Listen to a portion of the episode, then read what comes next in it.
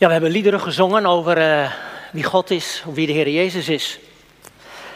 En weet je, je kunt daar liederen over zingen, terwijl het dan nog een beetje op afstand blijft. Maar als je beseft wat de Heer Jezus gedaan heeft, dat Hij zijn leven gegeven heeft, voor mijn voor jouw zonde. En als je dat niet alleen beseft, maar als je dat ook in je hart aanneemt, dan gebeurt er iets.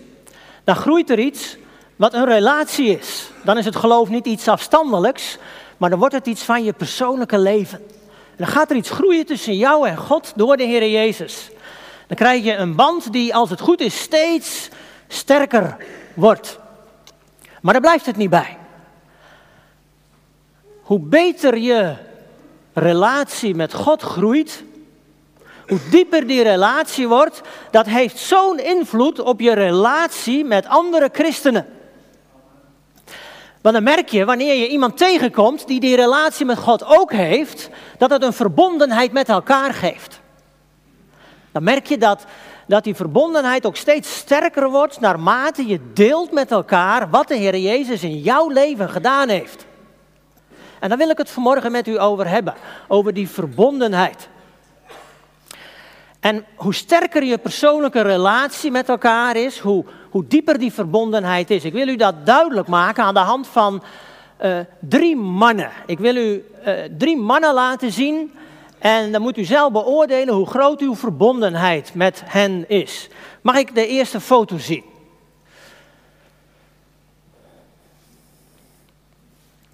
Kent u deze persoon?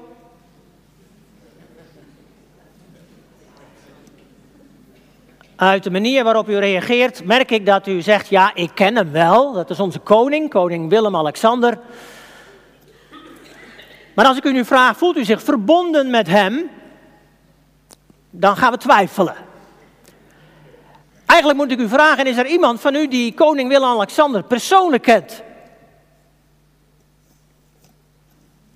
Ik zie geen vingers. Ziet u, we kennen hem, maar we voelen ons eigenlijk niet persoonlijk verbonden. Ik laat u een tweede foto zien.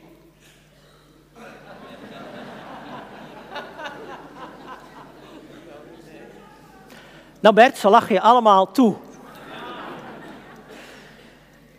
Ik weet niet waar je zit, maar uh, kijk, ja. U, u, reageerde heel anders dan bij de vorige foto. Zo van, hé, hey, die kennen wij veel beter. Voelt u zich ook persoonlijk verbonden met Bert? Hij spreekt namens ons allen, namens u allen. Bert is al 2,5 jaar uw voorganger. En uh, hij, misschien dat u hem nog niet allemaal persoonlijk kent, hoewel ik denk dat je de meesten nu onderhand wel eens gesproken hebt. En als je iemand spreekt en je deelt je hart, dan merk je dat er een verbondenheid ontstaat. En het is belangrijk dat je met je voorganger een stuk verbondenheid hebt die persoonlijk is. En dat moet ook groeien. Ziet u het verschil met deze foto en de vorige foto, beide kent u. En hebben. Oké, dank je. Heb ik nog een derde voor u? Kent u deze persoon? Dat is de Heer Jezus. En als ik u nu vraag, voelt u zich verbonden met Hem? Ziet u dat dit een hele andere verbondenheid is dan de twee vorige mensen? En deze verbondenheid is niet doordat je iemand persoonlijk hebt ontmoet, ja, op een bepaalde manier wel, als je de Heer Jezus kent tenminste. En dan is het een hele andere verbondenheid. Drie mannen, we kennen ze alle drie, maar op een verschillende manier. Hoe meer je met iemand hebt, hoe meer je van je eigen hart gedeeld hebt met iemand, hoe sterker je verbondenheid met die persoon is. En als je verbonden bent met God als Vader, verbonden bent met de Heer Jezus, die zijn leven voor ons gegeven heeft, dan geeft het een verbondenheid met elkaar. En niet voor niets dat de Bijbel ook de plaatselijke gemeente een lichaam noemt. Een lichaam waarvan de, de lidmaten, de ledematen, aan elkaar verbonden zijn, omdat je één lichaam vormt. Ik wil met u een uh, paar versen lezen uit de eerste Johannesbrief, de eerste versen, waarbij Johannes, de apostel, een van de twaalf, die het nauwst met de Heer Jezus hebben samengeleefd toen hij op aarde was, die schrijft over zijn verbondenheid met de Heer Jezus, met God de Vader en met de gelovigen. Johannes schrijft deze brief ergens richting het einde van de eerste eeuw, waarschijnlijk rond het jaar 80 of 85. En hij zit er nog steeds vol van. Vol van alles wat hij heeft meegemaakt met de Heer Jezus. Leest u maar mee, het staat geprojecteerd. Wat er was vanaf het begin, wat wij gehoord hebben, wat we met eigen ogen gezien en aanschouwd hebben, wat onze handen hebben aangeraakt, dat verkondigen wij. Het woord dat leven is. Het leven is verschenen.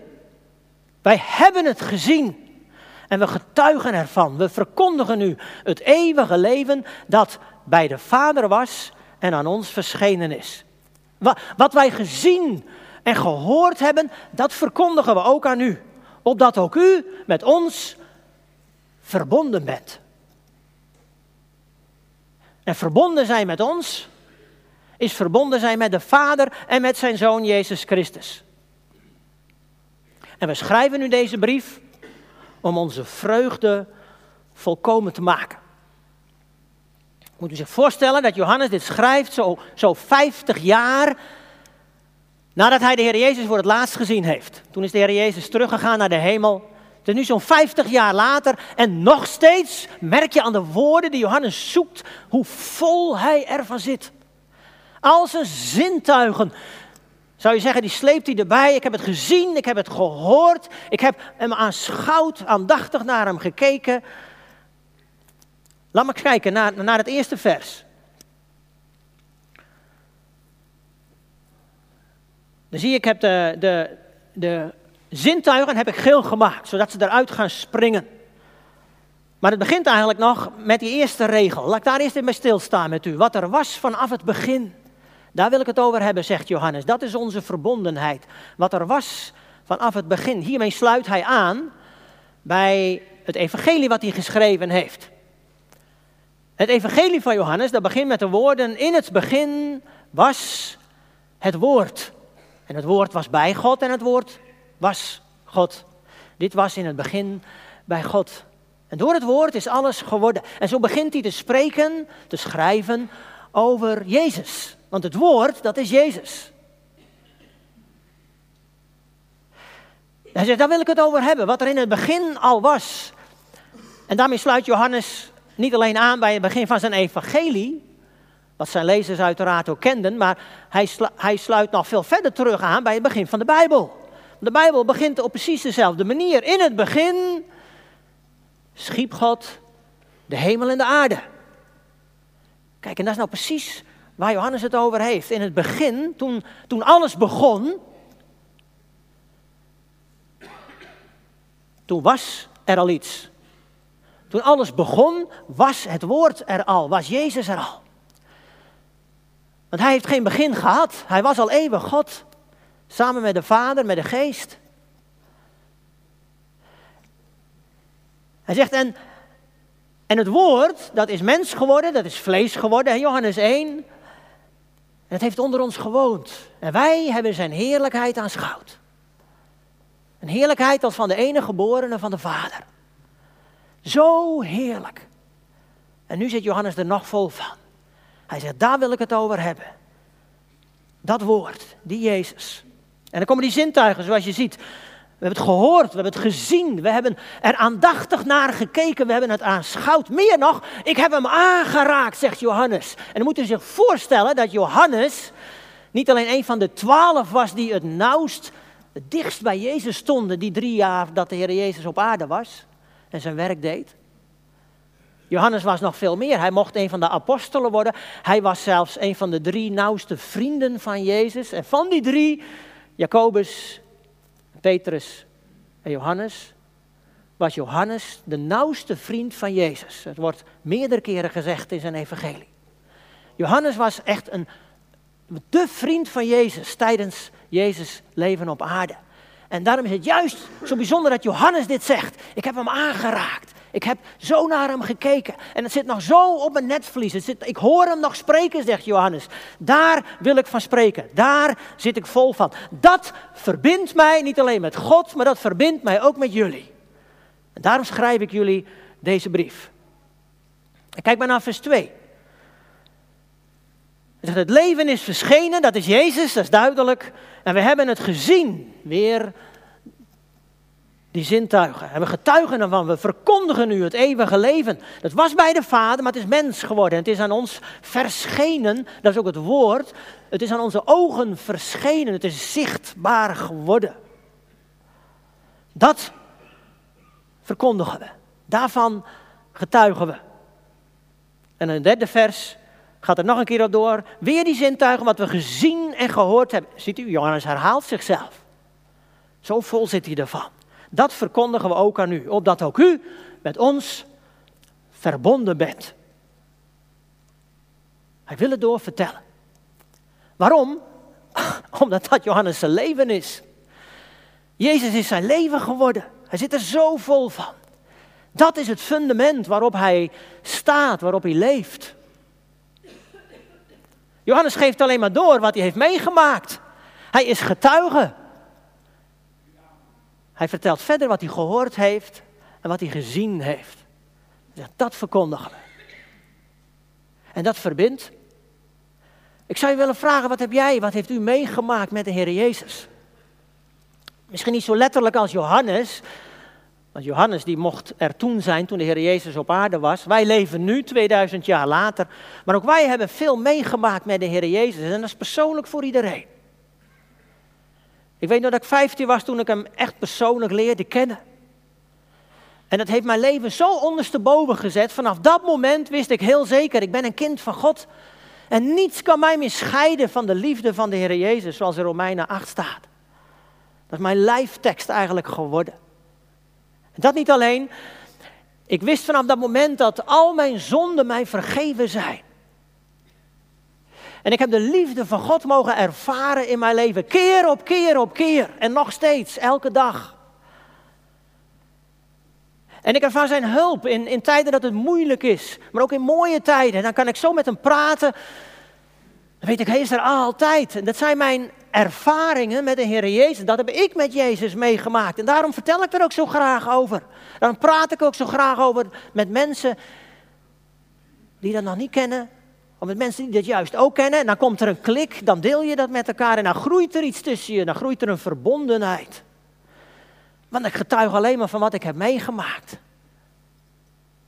Je kunt als christenen gaan praten over datgene waar je het niet eens over bent. Het is best leuk om af en toe te discussiëren, maar dat brengt je niet dichter bij elkaar. Pas als je samen deelt wat je verbindt met elkaar, waarover je het eens bent, dat verbindt met elkaar. Oh, er is zoveel wat ons verbindt in de Heer Jezus. Dan stel ik eigenlijk voor, laten we het daar alleen maar over hebben. Dat maakt de band onderling sterk.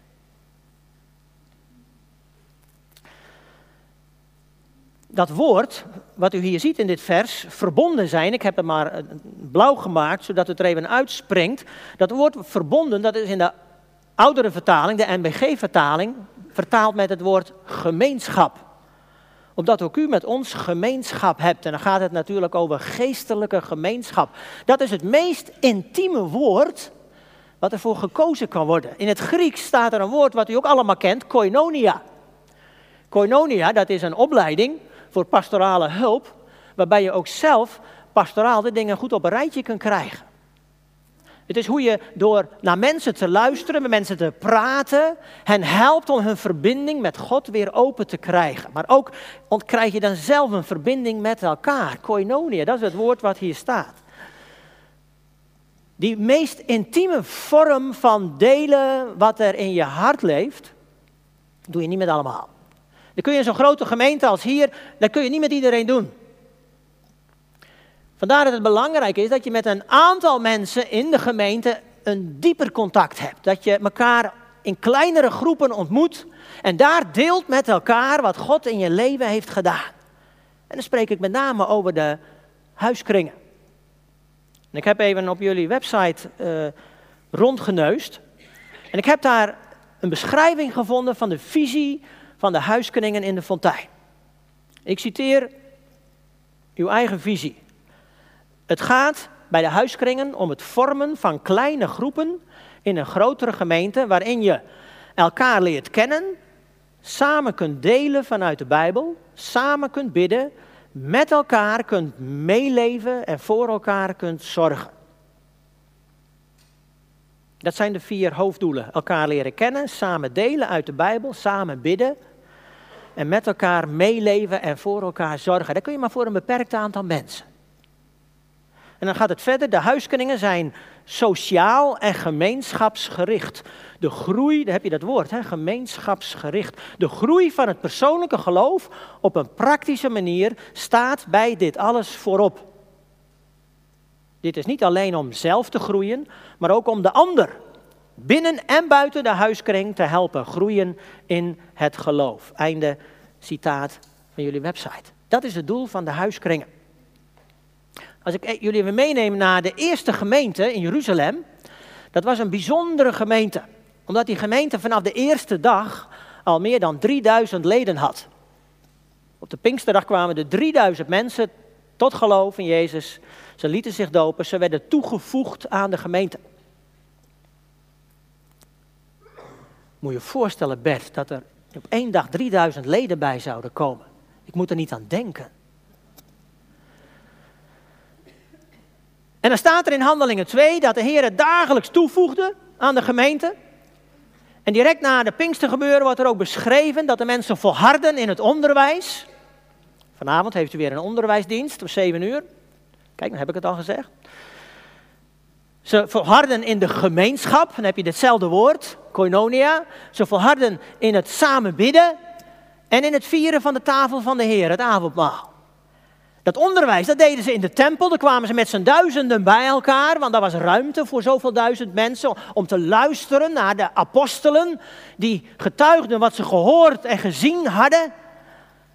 er was nog geen Bijbel. Maar de andere drie dingen, de gemeenschap en het samen bidden en de tafel van de Heer, dat deden ze niet daar in de tempel met z'n duizenden. Dat deden ze thuis, in de kleine groepen. Dat begon direct al. Leest u maar, dat deden ze bij de mensen thuis. Dat waren de huiskringen van die tijd. Want daar kon je de diepere contact met elkaar inhoud geven. Daar deelden ze wat de Heer Jezus in hun leven gedaan had. Daar deelden ze met elkaar wie hij was. En daar aanbaarden ze hem en maakten ze hem groot samen. Weet je, dat geeft verdieping. Als je dat samen met elkaar deelt, dat geeft verdieping in je relatie met elkaar. Dat straalt uit naar de gemeente als je samenkomt met een grote groep zondagmorgen. En dat kan niet anders, dat straalt ook uit naar buiten. Dat de mensen die dat niet kennen, die dat niet hebben en die zien je als groep, denken, wat hebben die mensen? Wat beweegt hen? Om zo samen met elkaar om te gaan. Om zoveel liefde met elkaar te delen. Want dat is wat je dan doet. Die liefde die God met ons deelt door zijn zoon dat we die met elkaar delen. Dat valt op. Dat is wat de wereld nodig heeft. Dat die verbondenheid die handen en voeten krijgt. En die dan ook mag laten zien naar buiten toe. Daar geeft trouwens dat, uh, die kalender van Teer ook hele praktische tips altijd bij. We hebben dat gemeente vorig jaar ook gebruikt. Dat betreft aan te raden. Als goede tips hoe je dat kunt delen met anderen. We zitten op een kleine kring in de Bethelgemeente. En daar, uh, daar, komen we om de drie weken ongeveer komen we samen. En iedere keer bereidt een echtpaar het voor. Om de beurt doen we dat. En ik merk welk thema we ook behandelen. Dat is eigenlijk helemaal niet belangrijk welk thema we behandelen. Ik merk dat iedere keer als we iets delen van wat God in ons leven doet, dat dat zo samenbindt. Dat dat zo doorwerkt in onze relaties met elkaar. Kan ik alleen maar van harte aanbevelen, u toe aansporen. In een paar voorbeelden uit de maatschappij. We hebben een vervoersmaatschappij en die heet Connection. Connection, dat is natuurlijk een prachtig woord, want connection, dat betekent connectie, verbinding. Die vervoersmaatschappij die rijdt van de ene naar de andere plaats en die neemt passagiers mee. Dus hun naam geeft weer dat ze verbinden. Ze verbinden plaatsen met elkaar. Nou, of de mensen daardoor ook verbonden met elkaar worden, dat betwijfel ik. Ja, soms denk je, oh wacht, die zat gisteren ook al in de bus. En dan heb je van die busmaatjes, misschien af en toe een praatje. Het geeft een zekere verbondenheid. Maar goed, het blijft bij van plaats tot plaats. Er is een provider en die, uh, die maakt telefoons en zo. En die heet Nokia. Heeft u vast wel eens van gehoord. Die heeft een slogan. Weet u wat de slogan van Nokia is? Connecting people. Vind ik wel een leuke. Connecting people. Mensen verbinden. Nou, als ik naar onze dochter kijk, die heeft ontzettend veel vrienden. Via dat apparaat. En je kunt inderdaad via een, een, hele kleine handeling kun je met heel veel mensen tegelijk iets delen. Wat nu een appje is of via andere manieren. Uh, zoveel, zoveel, eh, zoveel connecties zijn er mogelijk via een smartphone bijvoorbeeld. Alleen de verbinding wordt echt dieper als je elkaar ook persoonlijk ontmoet en spreekt. Ik denk dat dat nog even een stukje dieper gaat. Maar connecting people, het is natuurlijk wel een mooie slogan wat dat betreft. Nou, je kunt op, op verschillende manieren kun je een band hebben. De band is meestal het sterkst doordat je een bloedband hebt, dat je familie bent van elkaar. Daadwerkelijk, en een band wordt nog sterker als je christen bent als familie, dan heb je een dubbele band. Maar je kunt natuurlijk ook een band hebben doordat je bevriend bent met iemand. Je kunt een band hebben doordat je samen op een huiskring zit. Je kunt een band hebben doordat je buren van elkaar bent. Of dat je collega's van elkaar bent. Dat is weer een hele ander soort band. Nou, ik, ik, ik wil eens even een proef doen om u te laten zien hoe dat nu werkt in een gemeente zoals u bent. Er is één iemand in de gemeente en daar heb ik een hele persoonlijke, bijzondere band mee. En dat is Rikst. Dat is mijn zus. Dus, eh, mijn echte zus bedoel ik dan. Een van mijn vijf zussen. Rick, zou je hem willen gaan staan? Rick zit hier al jaren in de gemeente. Ja, Jan natuurlijk ook, maar Jan is een zwager. Dat zit net even verder weg. Dan zou ik u willen vragen, wie van u heeft op een of andere manier een verbondenheid met Rikst, dat u zegt van, uh, ik heb een bepaalde manier, ja, een verbinding met Rikst. Als het u betreft zou ik u willen vragen, gaat u samen met Rikst staan? Wie voelt een verbondenheid met Rikst? Nou, Rikst, je hebt een goed netwerk in de gemeente. Kijkt u eens om u heen. Ik schat dat er een, uh, nou, een man of vijftig staan. Kijkt u allemaal even goed om u heen wie er staan. En dan wil ik u vragen, dit is de eerste lijn hè, van Rikst naar jullie toe. Nu staan er zo'n 50 mensen. Ik wil jullie vragen om, naar, om te kijken of er iemand staat waar u een verbondenheid mee ervaart.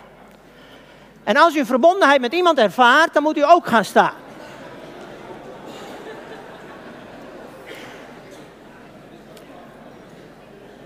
Kijk, dit is verbondenheid met elkaar. Als ik het nu zo schat, dan denk ik dat ongeveer vier van de vijf mensen staan. Dat is 80% van u allen. U mag weer gaan zitten allemaal. Dank jullie wel. Ziet u, en heb ik maar twee lijntjes aangegeven. Eén lijn van Riks naar de eerste groep en dan van de eerste groep naar de tweede groep. En dan, dan blijkt al 80% van de gemeente verbonden te zijn met elkaar door twee lijnen met elkaar. Als ik nog door zou gaan met nog een lijn, dan zou iedereen gaan staan. En zo kun je dus al die lijnen, dat, dat, dat heet netwerken natuurlijk, maar dat is verbondenheid met elkaar. Ziet u hoe dat werkt in een gemeente? Hoe dat ook samen bindt? Maar dan ga ik dieper met u afsteken. Je kunt natuurlijk een oppervlakkige verbondenheid hebben, je kunt een diepere verbondenheid hebben. En dat bepaal je zelf. Je, je, de, de sterkte van de band die je zelf hebt met een ander is nooit dieper dan hoe diep jij zelf wilt gaan. Als je iemand ontmoet voor het eerst, dan ga je niet direct je hart delen. Meestal niet. Eh, meestal ga je dan eerst beginnen over feiten te praten. Het weer, het verkeer. Je kunt praten over de voetbal. Dat Heerenveen gisteren met 3-0 gewonnen heeft, bijvoorbeeld. Je kunt uh, praten over lijnen. Dat is onder dames tegenwoordig een onderwerp waar je nog over kunt praten. Maar dan begint het al wat persoonlijk te worden natuurlijk. Maar dan heb je het over uiterlijkheden. En als je verbondenheid aanduidt met dat je elkaar een hand geeft, dan is dat je over feiten praat, over uiterlijke dingen, dat is, nou ja, dan geef je elkaar een pinkje. Dat is een heel klein beetje verbondenheid, maar niet veel. Dan kun je kiezen om dieper af te steken. Dan praat je niet alleen over uiterlijkheden, over feiten, dan kun je ook praten over meningen. Wat jij ervan vindt. Dan steek je al dieper af. Dan laat je al iets meer van jezelf zien aan de ander. En waar je meningen deelt, dat kan dat samenbinden. Het kan ook afstoten als iemand het niet met je eens is natuurlijk. Maar dat geeft wel een iets diepere verbondenheid al aan. Dan is er de uitdaging om nog dieper af te steken. Je kunt ook, behalve je mening, kun je ook iets van je gevoelens delen. Wat doet dat met je? Hoe ervaar je dat? Wat brengt dat bij je teweeg? Wat voor gevoelens roept dat op in je leven? Nou, dat, dat deel je niet met veel mensen. En zeker de meesten van ons mannen vinden dat best wel moeilijk. Toch? Om gevoelens te delen met een ander. Zelfs met mijn eigen vrouw vind ik dat moeilijk om die gevoelens te delen. En dan heb ik vragen nodig als, uh, hoe voel je je nou? Moet ik iets voelen? Natuurlijk voel je iets, alleen je weet het niet altijd. Dat helpt wel. Dat iemand je vraagt, en, en wat doet het nou met je? Wat heeft dat met je gedaan? Maar dat is maar een selecte groep aan wie je je gevoelens deelt. Maar dan steek je al dieper af met elkaar. En iemand die met jou je, zijn gevoelens deelt, met wie jij jouw gevoelens deelt, want dat gaat meestal gelijk op, ervaar je dat die verbondenheid al dieper wordt. En dan kun je nog een stap verder, dan kun je nog een stap dieper. En dat zijn maar een paar mensen met wie je nog dieper gaat. Met wie je niet alleen je mening, je gevoelens, maar met wie je je hart deelt. Wat in het diepst van je hart leeft. Dat doe je niet met iedereen, dat doe je maar met een enkeling. Nou, wat zou het nou mooi zijn dat je in de gemeente een aantal mensen hebt bij wie je je zo veilig en beschermd voelt dat je de diepste dingen van je hart kunt delen. En dan weet ik zelf bij ons op de kring, we zijn met vijf echtparen. Hebben we eerlijk tegen elkaar gezegd, want ik heb dit thema expres ook besproken bij ons op kring. Heb ik, hebben we eerlijk tegen elkaar moeten zeggen van ja, maar ook wij delen nog niet alles wat in ons hart is met elkaar. Dat doe je niet zo gemakkelijk. Zelfs met mijn eigen vrouw deel ik niet alles wat er in mijn hart is. Terwijl dat wel moet kunnen. Merk je de uitdaging van verbondenheid? Want hoe zit, het, hoe zit het met jouw relatie met de Heere God? Hij weet al precies wat er in je hart leeft, nog veel beter dan dat ik dat zelf weet. Wat er in mijn hart leeft.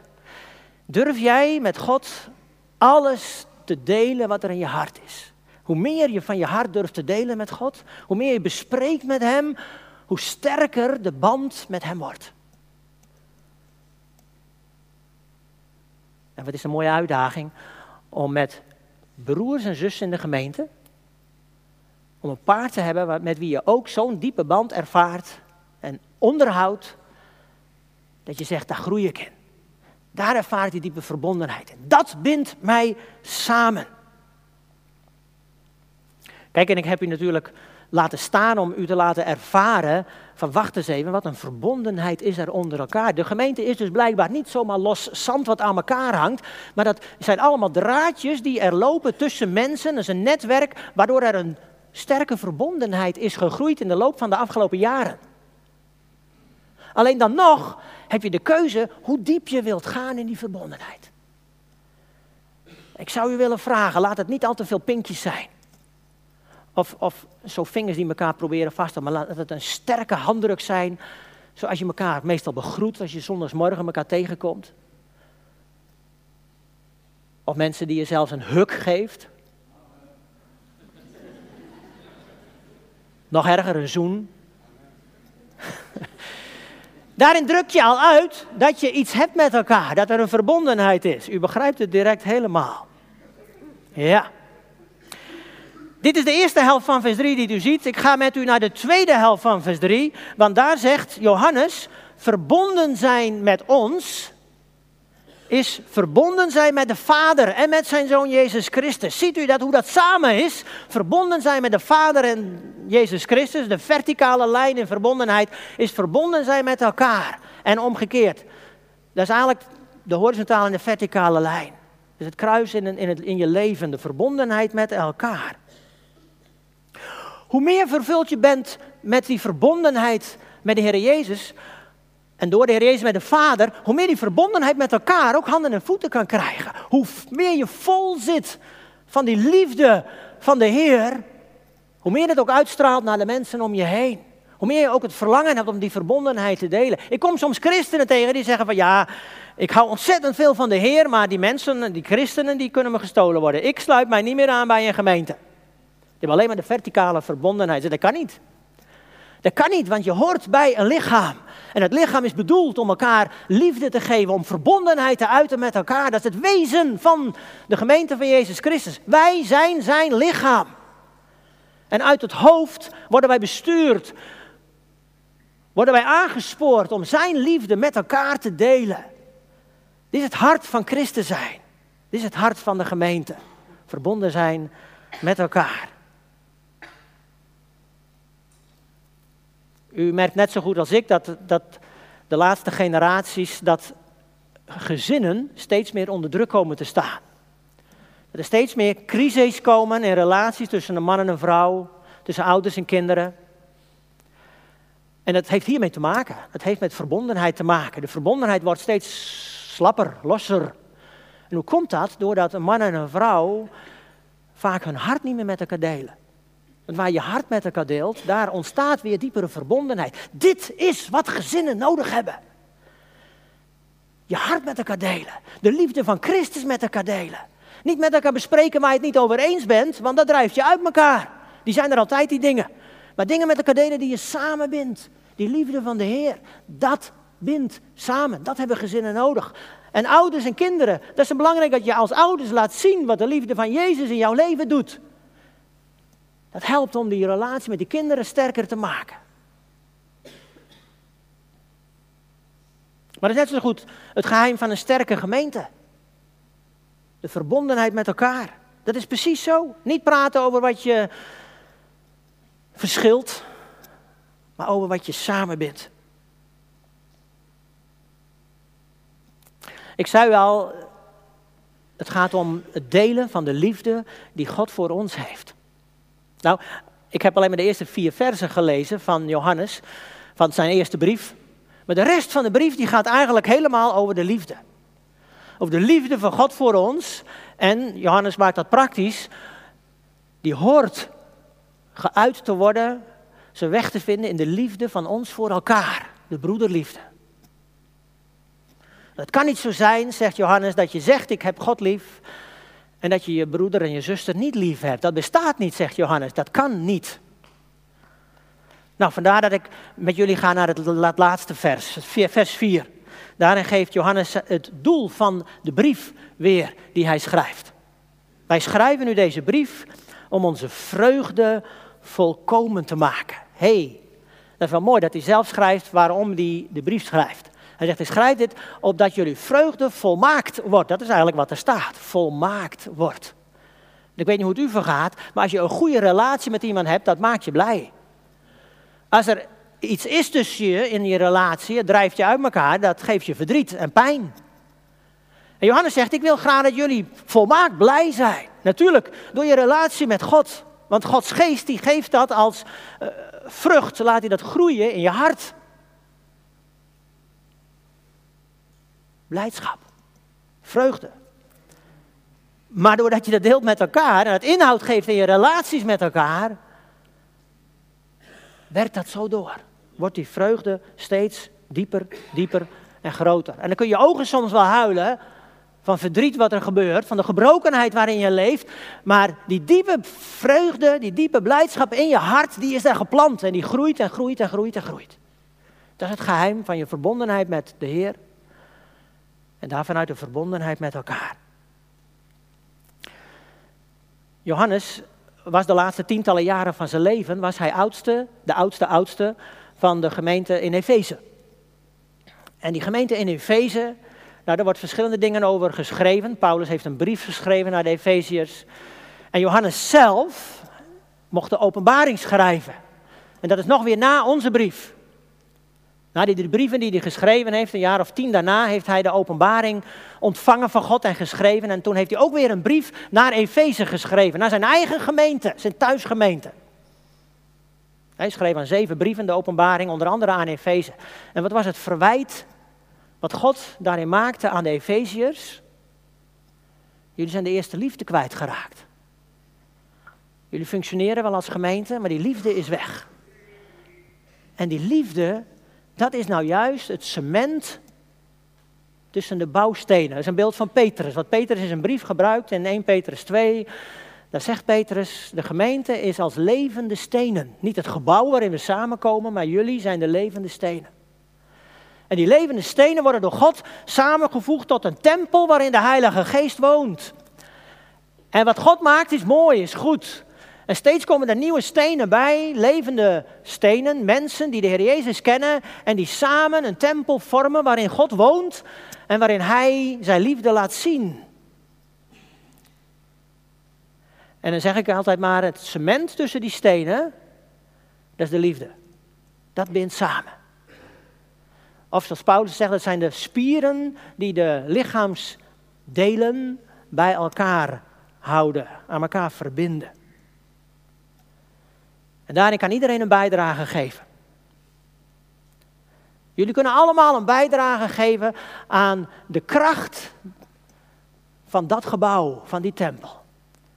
Iedereen kan een bijdrage geven aan de verbonden zijn met elkaar. Doordat je iets van je hart deelt met andere mensen in de gemeente. Dat bindt samen. Dat voorkomt dat een gemeente als los zand aan elkaar hangt. Ik zou willen eindigen met twee vragen. Mijn eerste vraag is waar ik mee begonnen ben. Ken jij die verbondenheid met God de Vader door de Heer Jezus? daar rust alles op, dat is het fundament. Ken je die verbondenheid? Zou je in die verbondenheid dieper en dieper willen groeien? Dat houdt nooit op, dat kan altijd door en altijd dieper, meer en meer groeien. Dat is mijn eerste vraag. De tweede vraag is, wat kun jij bijdragen om die verbondenheid onderling als gemeente sterker te maken? Wat zou jij de komende weken daarin kunnen bijdragen? Zouden jullie willen nadenken over die vragen? Zullen we samen bidden?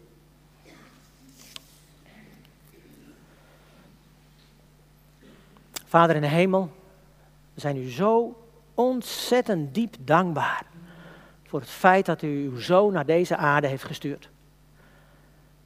Heer Jezus, dat u uw leven heeft gegeven aan het kruis, 2000 jaar geleden. Om de wereld weer met God te verzoenen, om ons, om mij met God te verzoenen. Uit het diepst van mijn hart wil ik u daar zo ontzettend voor bedanken. En dank u wel, Heer, dat het niet alleen maar een, een verzoening is op afstand, maar dat u juist zo dichtbij in ons hart niet alleen uw genade uitstort, maar ook uw liefde uitstort. Uw woord staat er vol van. Dank u wel dat we daardoor de zin, het doel van ons leven konden, konden pakken, konden grijpen. En daaruit mogen leren leven, dag in dag uit. Dank u Heer dat die, die verbondenheid met u, dat die steeds sterker mag worden vanaf het moment dat we u aannemen en u geloven. Maar Heer, u geeft ons ook aan elkaar als broers en zussen. Heer, en als ik hier uh, spreek in Emmeloord in de Fonteingemeente, dan bid ik u voor alle broers en zussen van deze gemeente. Heer, dat u hen ook wilt leiden in hun relaties met elkaar, zodat de diepgang in de relatie steeds sterker mag worden. Heer, ik bid voor vrijmoedigheid om met elkaar te delen wat u in het leven heeft gedaan. Heer, om op die manier ook, uh, ook in vrijmoedigheid te groeien. Heer, want waar wij delen van wat u in ons leven gedaan heeft, dan wordt dat vermenigvuldigd, dan groeit dat. Daar bindt dat ons samen. En ik bid, Heer, dat die verbondenheid in de gemeente ook steeds sterker mag worden. Steeds sterker. Dan bid ik u vooral, Heer, voor hen die, die aan de rand van de gemeente leven, die zich niet zo verbonden meer voelen. Ik bid dat u ook hen er weer bij wilt betrekken.